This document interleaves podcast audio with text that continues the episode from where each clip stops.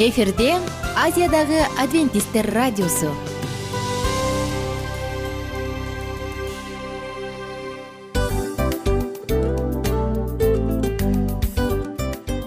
Достор салют. Баардык сүйүктүү угармандарыбызга салам айтабыз. Кутман күнүңүздөр менен. Ден соолук өмүрдүн булагы демекчи саламат саамы программасында баарыңыздарды көргөнүбүзгө абдан кубанычтабыз. Анда алгач амандашып өтөлү арбаңыздар деп. Ден соолугуңуздар кандай элибизде көбүнчө ден соолук кандай дегенде эле жакшы деп жооп беребиз э? ооруп турсак дагы жакшы дейбиз. Анан мен муну айтып ойлойт элем бул абдан сонун сөз депчи анткени бул жакшы деген үмүт да э ооба баары жакшы болот. Баары сонун. Деп үмүттөнүп атып эле өзүбүздү өзүбүз дарылап коебуз.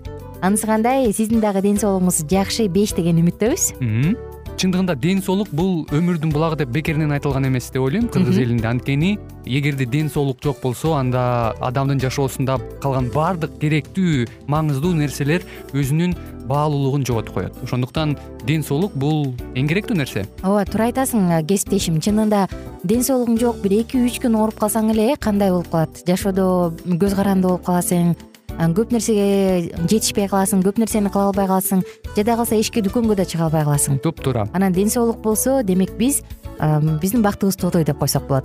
Анда достор саламат саамы рубрикабызды баштайлы. Алдыда өзүңүзгө керектүү болгон сонун кеңештерди уга аласыздар. Мына ошондуктан биз менен бирге болуңуздар. Ал эми биз болсо милан жана айнура. Кеттик алга. Алга саламат саама ден соолуктун жарчысы. Саламат саама ден соолуктун ачкычы. Күн сайын сиз үчүн мыкты кеңештер сонун жаңылыктар кызыктуу фактылар. Биздин рубрикада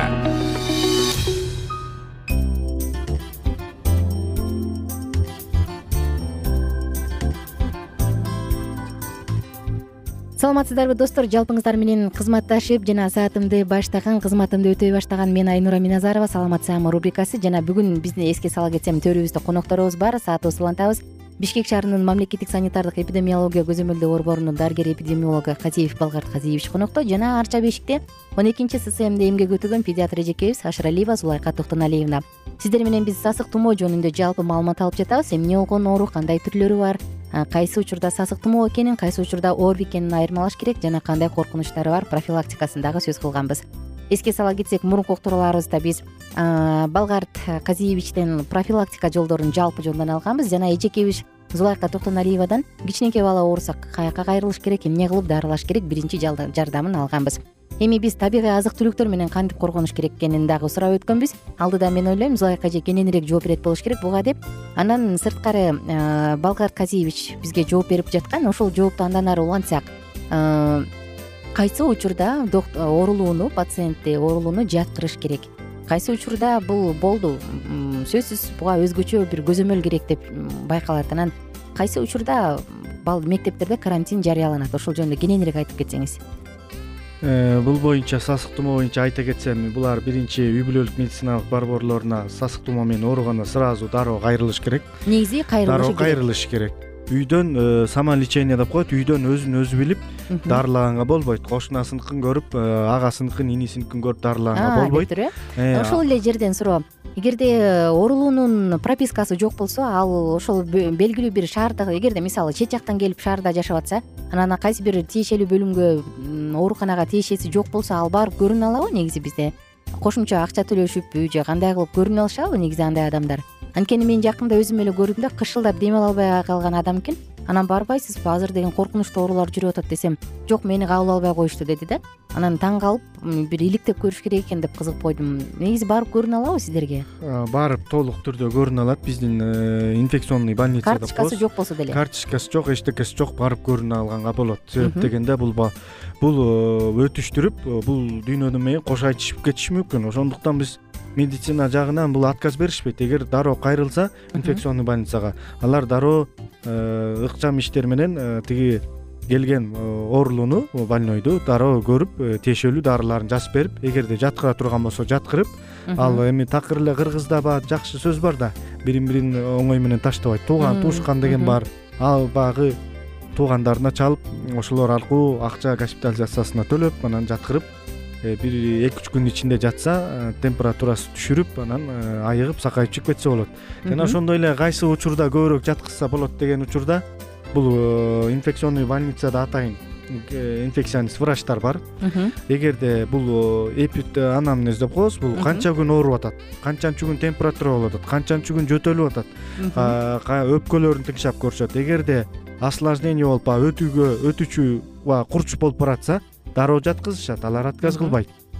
Дароо жаткызышат дагы температурасын түшүргөнгө аракет кылышат. Судороги деп жана айтып кеттибиз эжебиз судороги болуп калса аны судорогиден аны кайра баягы бери алып келиш өтө кыйын болуп калат. Жана ошондой эле айта кетсеңиз. сасык тумоого бул жанагы инфекционист врачтар дебедимби алар бул ооруну мисалыга ала кетсек пневмония оорусу өпкө оорулары көбүрөөк мурун пневмония менен же өпкө оорулары менен көбүрөөк ооруп жүргөн болсо бул осложнение деп коет ошол курчуп кетет. Ага байланыштуу мурунда кайсы оорулар менен оорудуң эле деп бул инфекционист толук маалымат алат. Менин жалпы эле сиздерге суроом болуп турат да негизи сасык тумоо ай грипп экен грипп экен деп биз айтып албайт эмеспизби. Эмнеси менен коркунучтуу чындыгында коркунучтуу оорубу бул? Сасык тумоо бул абдан коркунучтуу оору болуп эсептелет. Муну биз баягы ооруп айыгып ооруп айыгып бул көп көңүлгө алган эмеспиз. Ооба. Себеп дегенде бул э, дүйнө жүзүнө айта кетсем биринчи орунда бул сасык тумоо оорусу турат. Ошондой эле бул сасык тумоо оорусу жугуштуулугу жактанбы же эмнеси жагынан биринчи орунда. жугуштуулугу жактан оору ушул көп оору кездешкен. Мисалга алсак кээ бир кээ бир мамлекеттерде кездешпейт да. А бул оорби грипп деп коет сасык тумоо дүйнө жүзүндө кездешет. Ошондуктан сасык тумоо мурун жүрөк ооруса мурун нервный системалар менен ооруп жүрсө мисалы миокардит перикардит деген баягы жүрөк оорулары барбы ошолордун алдын алыш үчүн бул оорби грипп менен адам оорубаш керек. Эгерде ооруп калса баягы мурунку ооруп жүргөн. Бул э, ооруларды козгоп кетет. Жана ошондой эле бөйрөк оорусу бул бөйрөк оорусу абдан коркунучтуу оорулардын бири болуп эсептелет. Бөйрөктү алмаштырганга чейин бөйрөктү алмаштырганга чейин барып атышат. Ошон үчүн бөйрөгү ооруган адамдар абдан э, бул адам бөйрөгү ооруган адам өзүн өзү билет да бөйрөгү ооруп дарыланып чыккан булар абдан э, өзүн өзү сактап жүрүш керек. Грипп менен ооруп атса тууган эмес башкасы болсо дагы андан алыс кетиш керек. Даже баары грипп болуп аткан жерде отуруш болобу же баягы туулган күн кечелеринде болуп калса баары грипп менен ооруп атса ал бөйрөгү ооруп аткан адам кетип калыш керек туурасы. Кетип калып анткени ал жукчу болсо ал тигилердин иммунитети күчтүү болуп калышы мүмкүн. А бөйрөгү ооругандыкы иммунитети слабый болуп калышы мүмкүн өтүшүп кетип бөйрөк оорунун жабыркатып алышы мүмкүн. Жана ошондой эле менингит менингит э, менингоэнцефалит деген баягы нервный системалар оорулар бар. Бул осложнениясы бул менингиттики э, сознание баягы эсин жоготушу мүмкүн өтүшүп кетсе грипптенчи. Анан мен элге бир кыргыз э, бишкек шаарынын туугандарына кайрылып кетмекчимин. Эгерде оору ушул сасык тумоо менен ооруп калсаңыздар дароо дарыгерге кайрылыңыздар үйдөн самолечение деп коет өздүк дарыларды колдонбоого алып келет элем. Андан тышкары эгерде э, бул оору көп кездешип баягы үйдөн көбүрөөк ооруп баратса дароо э, бейтапканаларга кайрылыңыздар. Ооба бизде көбүнчө тилекке каршы дейт элем да же сабатсыздыктанбы же э, ооруга көп көңүл бурбагандыктанбы сасык тумоо ай эмне болуптур эми? Эчтеке болбойт түшкүрүп калсаң бара бер эчтеке болбойт деп туруп анан ата энелер кээ бирлери балдарын ооруп атса да мектепке жиберет ооруп калса да жүрү мен менен базарга деп ичитип алат анан ошентип туруп маани бербейбиз бирок чындыгында бул коркунучтуу оору жана алдыда биз оорунун симптомдорун эле дарылай берүү туурабы мына ошол жөнүндө сөз кылабыз менимче зуларка эже дагы бизге жооп берет болуш керек. Кээ бирөө жөтөлүп калса жөтөлүүсүн эле дарылайт башы ооруса башын эле дарылай берет эмеспи бул жөнүндө биз кийинки э, тыныгуудан кийин жарнамалык тыныгуудан кийин сөз кылабыз. Мына ошондуктан биз менен бирге болуңуздар. Аты жөнүм айнура миназарова. Жалпыңыздарды жыштыгыбыздан укканыбызга абдан кубанычтамын. Жана биз менен бирге болуңуздар. Кайрадан амандашабыз саламат саама ден соолуктун жарчысы. Саламат саама ден соолуктун ачкычы. Күн сайын сиз үчүн мыкты кеңештер сонун жаңылыктар кызыктуу фактылар биздин рубрикада. Салют замандаштар баарыңыздарга ысык салам. Дил маек программабызга кош келиңиздер. Дил маек рубрикасы дегенде эле бул эмне болгон дил маек ким менен маектешебиз? деп сурайт болуш керек угармандарыбыз бул рубриканы кыскача тааныштыра кете турган болсок ар тарап кесип ээлеринен болгон сонун интервью кеңештер бар. Ооба. Жылдыздар менен болгон маек бар. Аталарыбыздын агаларыбыздын чоң аталарыбыздан сонун кеңештер бар. Ошондой эле эже сиңдилердин кеңештери бар айтор. Баардык кызыктардын баары алдыда. Негизи эле адам баласы бир кимдир бирөөнө ишенип сырын ачкысы келет эмеспи э? Мындай баарлашууга жакын келебиз го. Албетте негизи бир жерге отуруп алып кенен шашпай баягы жүрөктөн жүрөккө ачып сырларыбызды ар кандай көйгөйлөрүбүз менен бөлүшүп баягы чын жүрөктөн маек курганды кимибиз сүйбөйбүз э? Ооба десең ал нерсеге суусап да келебиз да. Ооба кээ бирде адамга чындыгында баягы э, ысык маек баягы жылуу маек жетишпейт да. Ошондуктан биз ушул рубриканы ойлоп тапканыбызда эң биринчи эле достор сиздер менен чын жүрөктөн бир маңыздуу темаларды козгоп кеткени э, кааладык. Ошондуктан ушундай сонун бир рубриканы тартуулап жатабыз. Анын үстүнө радио дагы сонун дос да анткени э, мындай учурда досуңа айтсаң досуң досуна айтат досу досуна айтат да анан бүт өлкө билип калышы мүмкүн го а радио болсо сени сатпаган сенин айыбыңды ачпаган сенин сырыңды эч кимге айтпаган сонун досмын ошондуктан биздин алдыдагы айта турган кеңештерибизди биздин досторубуздун кеңештерин угуп анан ал жака пикириңизди дагы калтырып кайрадан биз менен байланышсаңыздар болот. Деги эле жашооңузга эгерде кичине болсо дагы өзгөрүү алып моралдык жактан нравовалык жактан сонун бир кеңештерди алсаңыз демек биз максатыбызга жеттик. Ооба. Чыңгыз атабыз улуу жазуучу э, чыңгыз айтматов айткандай адам болуу бул күнүмдүк процесс экен. Күн сайын адам бойдон калуу бул адамзатка эң эле кыйын дейт э? э эң кыйын дейт. Чындыгында бунун э, негизинде адамдын эң баягы сапаттуулугу адамдын э, адамгерчилиги жана көптөгөн керектүү нерселер. Мына ошол темалар дагы бизде ушул дил маекте биз аларды да козгойбуз. Ден соолук жөнүндө да сүйлөшөбүз. Сөзсүз түрдө анан милан мырза негизи айтып коюшат го. Биз көбүнчө эмнени ойлонсок ошол нерсеге карата иш кылабыз го. Ооба. Анан анысы кандай? Балким бул радио баракчада кимдир бирөөнүн оюн текшергенге жардам берет кимдир бирөөнүн жүрөгүн текшергенге жардам берет. Балким кимдир бирөөгө жашоонун маңызын тапканга жардам берер. Айтор кызыктын баары алдыда бул жөн гана кыскача жарнама анда угармандарыбыздын баардыгын кийинки рубрикабызга чакырабыз. Ал эми кызматта маңдайымда отурган кесиптешим милан жана мен айнура. Анда эмесе биз даярдаган терең терең ойлор менен таанышууга кеттик. Алыс алыс баралык. Анда эмесе достор биз менен бирге болуңуздар алдыда эң кызыктуу маалыматтардын баардыгы бир нече мүнөттөр бою жалгыз гана сизге арналат мына ошондуктан жакшы маанай менен угууну каалайбыз. Үн алышканча. Жөнөдүк. Ар түрдүү ардактуу кесип ээлеринен алтын сөздөр жүрөк ачышкан сыр чачышкан сонун маек дил маек рубрикасында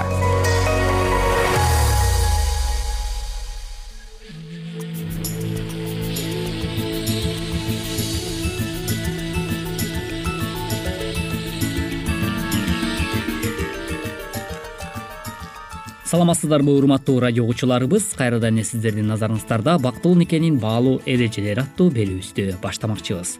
Бүгүнкү программабыздын темасы балдар менен деги эле ичимдик жөнүндө сүйлөшүүгө болобу? ушул туурасында бир нече кеңештерибиз менен бөлүшүп өтмөкчүбүз. Андыктан биздин ободон алыстабай дал ушул мүнөттөрдө биз менен биргеликте болуңуз. Кызматыңыздарда микрофондо кайрадан эле аты жөнүм мен улан кубанычбеков жана ошондой эле менин кесиптешим. Саламатсыңарбы жана мен асель мамбетова кымбаттуу ата энелер жана ошондой эле сүйүктүү угармандарыбыз деги эле балдар менен э, ичимдиктер туурасында сүйлөшүүгө болобу. Башкача айтканда спирттик ичимдиктер туурасында алар менен э, пикир алышуунун өзү туурабы. Ушул туурасында бир нече кеңештерибиз менен бүгүнкү берүүбүздө талкуу кылмакчыбыз.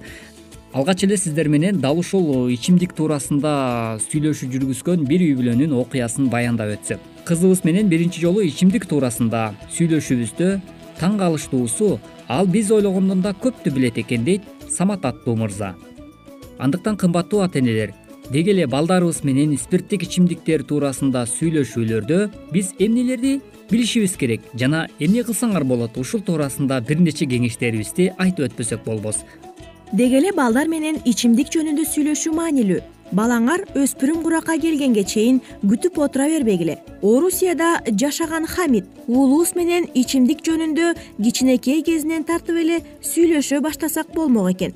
Мунун маанилүү экенин кыйынчылыкка кабылгандан кийин гана түшүндүк. Көрсө уулубуз он үч жашында эле ичип жүрүптүр дейт. Албетте андыктан ардактуу угармандарыбыз. Бул силерди эмне үчүн тынчсыздандырышы керек? Бул туурасында дагы ойлонуп көрүңүз классташтары жардамчылар теле берүүлөр балаңардын ичимдикке болгон көз карашына таасир этип коюшу мүмкүн. Акшдагы ооруну көзөмөлдөө жана алдын алуу борборунун билдирүүсүнө ылайык. Кошмо штаттагы бүт спирт ичимдиктеринин он бир пайызын жашы жетелектер ичет экен ошондуктан саламаттык сактоо боюнча адистердин ата энелерди балдарына ичимдик ичүүнүн зыяндуу жактарын түшүндүрүп берүүгө үндөгөнү таң калыштуу эмес. Балаңарга кантип түшүндүрүп берсеңер болот? Бул туурасында эмне кылсак болот? Алгач балаңардын суроолоруна жооп берүүгө даяр болгула. Кичинекей балдар бир нерсени билүүгө аябай кызыгышат чоңураак балдар болсо андан бетер кызыгышат. Андыктан алардын суроолоруна жооп бериш үчүн даярданып алганыңар жакшы. Мисалы балаңар ичимдик даамы кандай болоорун сураса шараптын даамы кычкыл ширеникиндей ал эми сырааныкы ачуураак болоорун айтсаңар болот. Ал эгер ал татып көргүсү келсе ичимдиктин балдардын организмине күчтүү таасир этерин түшүндүргүлө. Андан кийин буттары чалыштап баса албай калаарын жана кийин өкүнүп калаарын айтып берсеңер болот. Өзүңөр да билип алганыңар жакшы. Кайсы бир китептерде ар бир баамчыл киши билимдин негизинде иш кылат деп айтылат. Балаңар менен сүйлөшүүдө өзүңөр биринчи сөз баштагыла. Ошондой эле ичимдик туурасында дагы кымбаттуу ата энелер сиздер өзүңүздөрдүн балдарыңыздардын организмине өтө олуттуу зыян экендигин дагы эскерткениңиздер абдан маанилүү болуп эсептелинет. Себеп дегенде улуу британияда жашаган марк сегиз жаштагы уулунан ичимдик ичкен туурабы же туура эмеспи? деп сурадым дейт. Ошол эле учурда уулум өзүн эркин сезбей ал өз оюн ачык айтып берди. Ошондуктан кымбаттуу ата энелер ичимдик жөнүндө көп жолу сүйлөшүүлөрдүн натыйжасында бул балаңарга күчтүү таасир калтырышы дагы ыктымал. Андай учурларда анын жашын эске алып башка маанилүү нерселер туурасында дагы сүйлөшкөнгө аракеттениңиз мисалга алсак жол эрежелери туурасында дагы жана ошондой эле жыныстык мамиле туурасында дагы сүйлөшкөнгө аракеттениңиз. Себеп дегенде өткөл курак учурунда жаш өспүрүмдөр бул нерселерге дагы кызыгуусу артып турган учурлар болот эмеспи. Андыктан алар туура эмес жолдорго барып калбаш үчүн алдын ала жыныстык байланыштар туурасында жана ичимдиктин кесепети анын жашоосуна кандай олуттуу натыйжаларды алып келери туурасында дагы түшүндүргөнүңөр абдан маанилүү болуп эсептелинет көп китептерде колдонулган тарбиялоо деген сөз жазалоо деген эле маанилүү туюнтпайт. Тарбиялоо өз ичинде акыл насаат айтууну үйрөтүүнү оңдоп түзүүнү да камтыйт.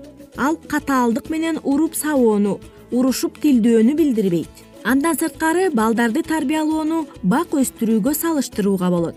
Багбан жер айдайт суу карат жерди семиртип отоо чөптөрдү жулуп турат ошондой эле зыяндуу курт кумурскаларды жок кылат. Ал эми бак өсө баштаганда түз өсүшү үчүн аны бутап турат.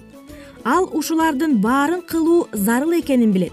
Ата энелер да балдарына дайыма кам көрөт. Бирок кээде балдарды оңдоп түзөп туруу мындайча айтканда жаман жактарын кеч бул электе кесип бутап баланы туура багытка салып туруу керек болот. Этияттап бутабаса бак катуу жабыркап калышы мүмкүн болгондой эле балдарды да сүйүү менен тарбиялабаса жабыркап калышы ыктымал келиңиздер ардактуу радио угурмандарыбыз анда эмесе биз бала тарбиялоо жаатында үч принципти карап өтөлү. Ошондой эле бала тарбиялоо жаатында үч нерсени байкоого болот экен. Биринчиси албетте сүйүү менен. Экинчиси акыл эстүүлүк менен. Үчүнчүдөн койгон талабына бек карманган ата эне ушулардан үлгү алса балдардын ата энелерине баш ийүүсү жеңилирээк болот. Андан сырткары ата энелер үлгү болгула. Балдар кебезге окшош. Ошондуктан тегерегиндеги нерселердин баарын сиңирип алышат.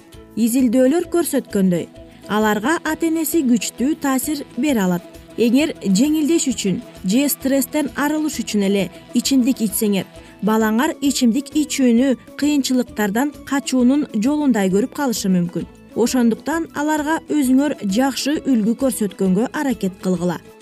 Туура чындап эле кадырман радио угармандарыбыз сөзсүз түрдө балдарыбызга э, спирттик ичимдиктерди ичүүдө деги эле алардын ден соолугуна гана зыян келтирбестен алардын келечектеги жашоолоруна дагы бул эң коркунучтуу экендигин дагы биз баса белгилеп айтып үйрөткөнүбүз абдан маанилүү болуп эсептелинет эмеспи андыктан ардактуу ата энелер сөзсүз түрдө балдарыбызга жогоруда айтылгандай эле эң биринчиден өзүбүз үлгү болушубуз абдан абзел экен.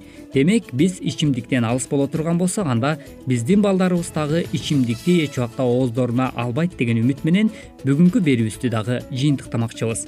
Ар дайым үй бүлөңүздөрдө тынчтык болсун жана бейкубат өмүр сүрүңүздөр деген тилек менен бүгүнкү программабыздын көшөгөсүн жапмакчыбыз. Кайрадан эле биз сиздер менен эмки уктуруудан үн алышканча сак саламатта болуңуз ар түрдүү ардактуу кесип ээлеринен. Алтын сөздөр жүрөк ачышкан сыр чачышкан сонун маек. Дил маек рубрикасында.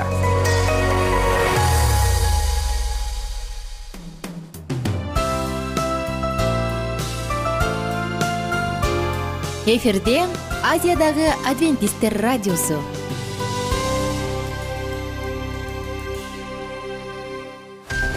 жан дүйнөңдү байыткан жүрөгүңдү азыктанткан жашооңо маңыз тартуулаган жан азык рубрикасы.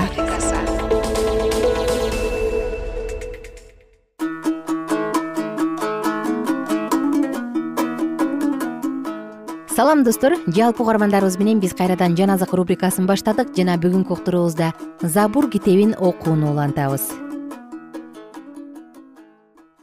Отуз алтынчы забур дөөттүн забуру. Зулумдарга ачууланба мыйзамсыз иш кылгандарга суктанба. Анткени алар тез эле чөптөй куурашат көк чөптөй соолушат. Теңирге таян жакшылык кыл жер үстүндө жаша чындыкты сакта. Теңир менен кубан ошондо ал жүрөгүңдөгү каалоолорду ишке ашырат. Теңирге өз жолуңду тапшыр. Ага таян ошондо ал ишке ашырат чындыгыңды жарыктай адилеттигиңди чак түштө тийген күндөй кылат. Теңирди унчукпай күт андан үмүттөн. Өз жолуңда ийгиликке жеткен арам ойлорун ишке ашырган адамга атаандашпа. Ачууңду токтот кыжырланба. Жамандык кылганга чейин барбаш үчүн атаандашпа. Анткени жамандык кылгандар кырылышат ал эми теңирден үмүттөнгөндөр жерди мураска алышат. Бир аз убакыт өткөндөн кийин кудайсыз жок болот. Анын ордун карап таппай каласың ал эми момундар жерди мураска алышат дагы тынч турмушка ырахаттанышат кудайсыз адам адил адамга жамандык издеп тиштерин кычыратып турат. Теңир болсо ага күлөт анткени ал анын күнү жакын калганын көрүп турат.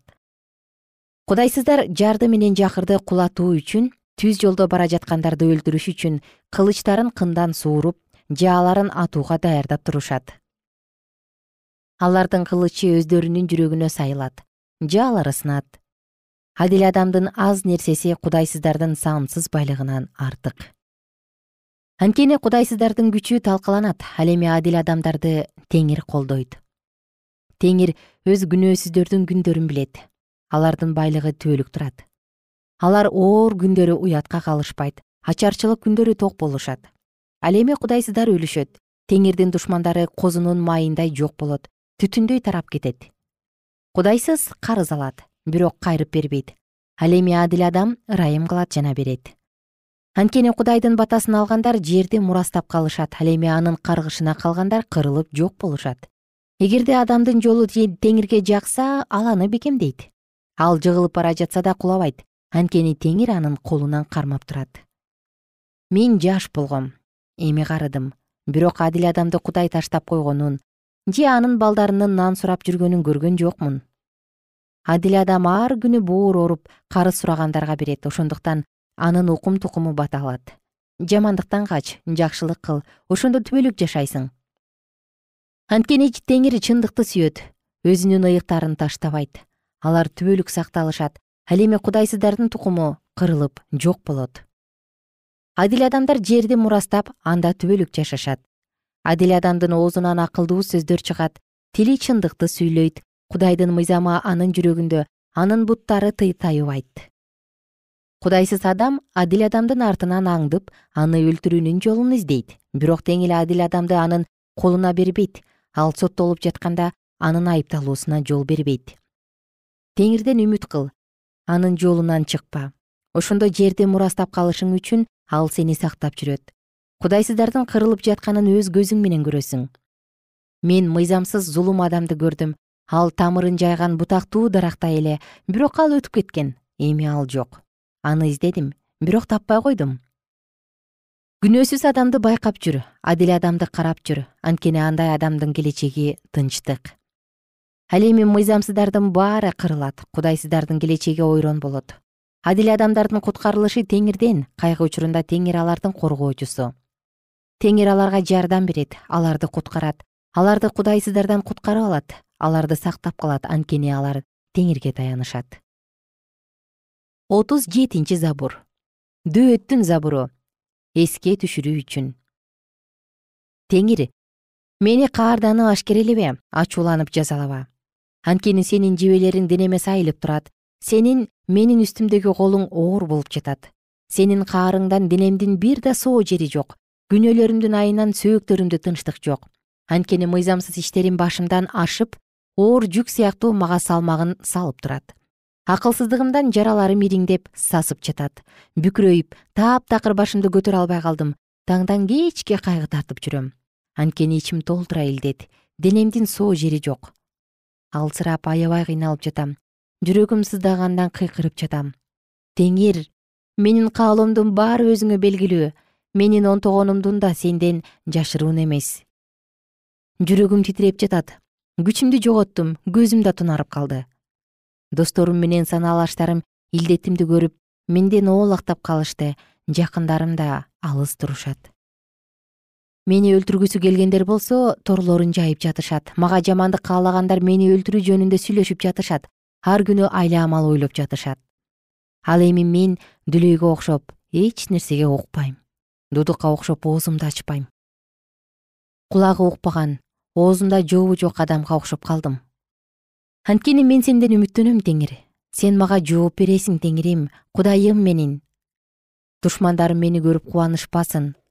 Бутум шилтенбей калса алар мага кыйынсынышат дедим. Анткени жыгылганы калдым. Жаным кыйналып турат. Мен өз айыбымды мойнума алам. Күнөөм үчүн кайгырып жатам душмандарым болсо жашап жүрүшөт күч алып жатышат. Мени себепсиз эле жек көргөндөр көбөйүп жатат. Менин жакшылыгыма жамандык кылгандар дагы жакшы нерсеге умтулганым үчүн мага каршы чыгып жатышат. Теңирим кудайым мени таштаба менден алыстаба. Мага жардам берүүгө шашыл теңирим менин куткаруучум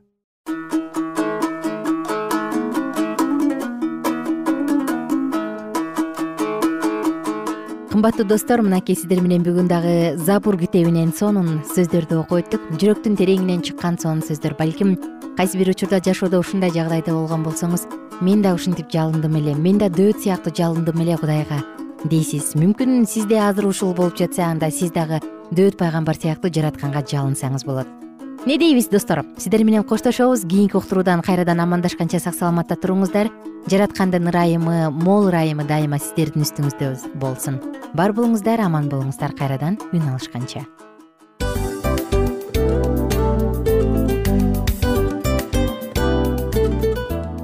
Ушул менен достор программабыздын уктуруубуздун эң кайгылуу мөөнөтүнө келип жеттик кайгылуу дегенде ыйлагым келип кетти кесиптеш. Кадимкидей. Анткени баягы учурашасың анан коштошуу учур келгенде ии кантип ии эми бат баттан келиптир э сагындырбай деп атып араң коштошобуз го анысы кандай угармандарыбыз менен коштошчу учур келди кийинки уктурууларды сагыныч менен жүрөгүбүздө кусалык менен күтөбүз жалпыңыздарды анан жарым сааттык уктуруу көз ачып жумканча өтүп кетти. Сөзсүз бирок бизде жакшы кабар бар. Кийинки уктурууларыбызда сөзсүз дагы кезигишебиз. Анткени биз көптөгөн сюрприздерди кызыктуу маалыматтарды жана керектүү керектүү нерселердин көбүнчөсүн даярдадык анда угармандарыбыздын баардыгына ийгиликтүү күн каалайбыз эгерде бүгүнкү күнүңүз өзгөчө э, өтүшүн кааласаңыз анда позитивдүү ой жүгүртүп жылмайып жакындарыңызга жакшы маанай тартуулап жүрө бериңиз. Анткени сөзсүз түрдө мунун арты кайтат э? Сөзсүз. Баягы ден соолугуң оңолот ал бул деп көп нерсени санап келебиз. Эң негизгиси бул сиздин жашооңузду жаркын кыла түшөт экен. Жараткан кудай ар бирөөңүздөргө батасын берсин жашооңуз ийгиликтүү болсун сак саламатта калыңыздар деп мен милан жана кесиптешим айнура баардыгыңыздар менен кийинки уктурууда үн алышканча. Баарыңыздарга ийгилик каалайбыз